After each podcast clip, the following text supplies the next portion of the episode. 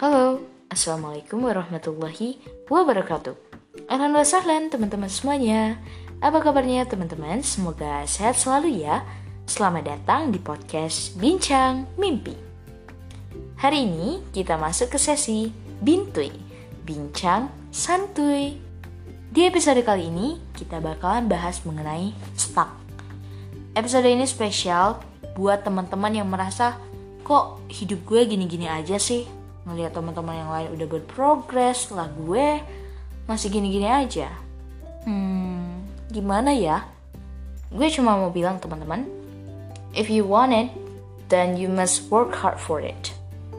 Jadi ketika teman-teman pengen sesuatu pengen mencapai sesuatu perlu kerja keras yang teman-teman spend. Perlu kerja keras yang teman-teman keluarkan. Gak bisa santai-santai aja. Dan teman-teman harus punya mental baca. Jangan dikit-dikit ngeluh, dikit-dikit menceritakan bagaimana menderitanya usaha yang telah dilakukan.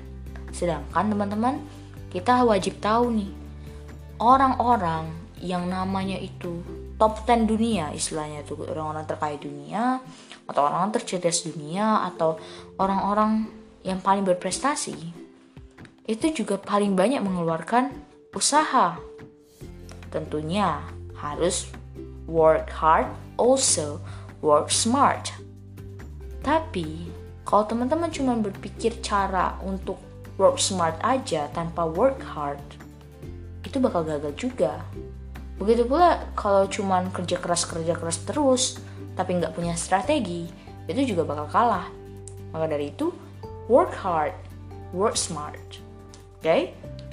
Jadi, untuk teman-teman yang merasa dirinya stuck nggak nggak nggak merasa memiliki kemampuan merasa nggak pede kalau di lingkungan sosial itu selalu dipandang rendah atau omongannya tidak menjadi pertimbangan dan semacamnya teman-teman harus improve diri.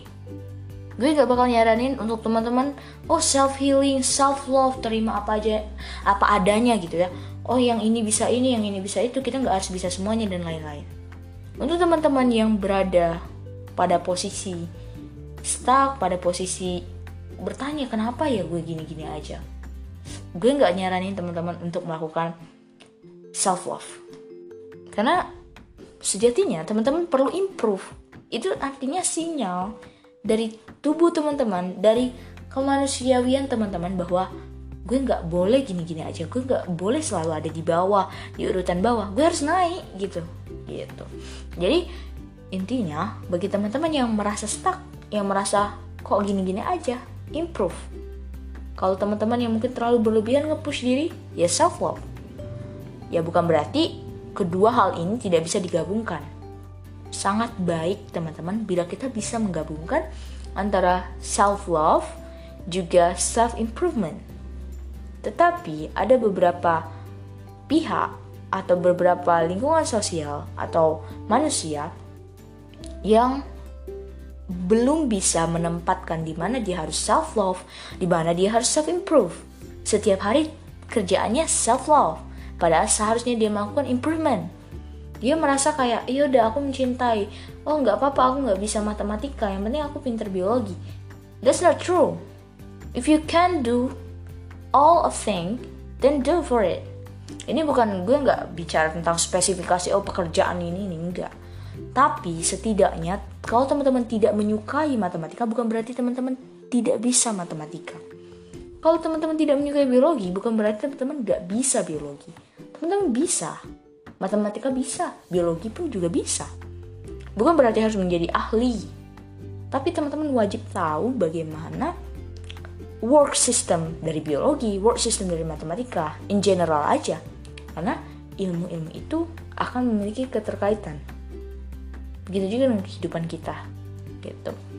Untuk spesifikasi penjurusan dan lain-lain, itu beda pembahasan.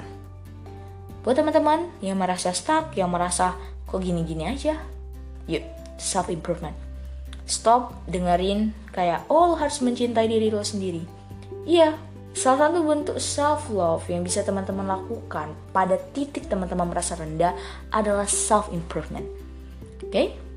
So, gue harap bisa masuk nih apa yang gue maksud dan gak ada pihak yang kiranya salah tangkap. Karena menurut gue, gue udah jelasin dengan jelas. Kalau teman-teman pengen diskusi, silahkan. Teman-teman bisa kirim melalui email gue pribadi atau juga teman-teman langsung ke IG gue. Oke, okay? terima kasih. See you next time. By the way, IG gue Faiza.naura. Oke, okay, see you next time. Bye-bye. Wassalamualaikum warahmatullahi wabarakatuh. Fighting!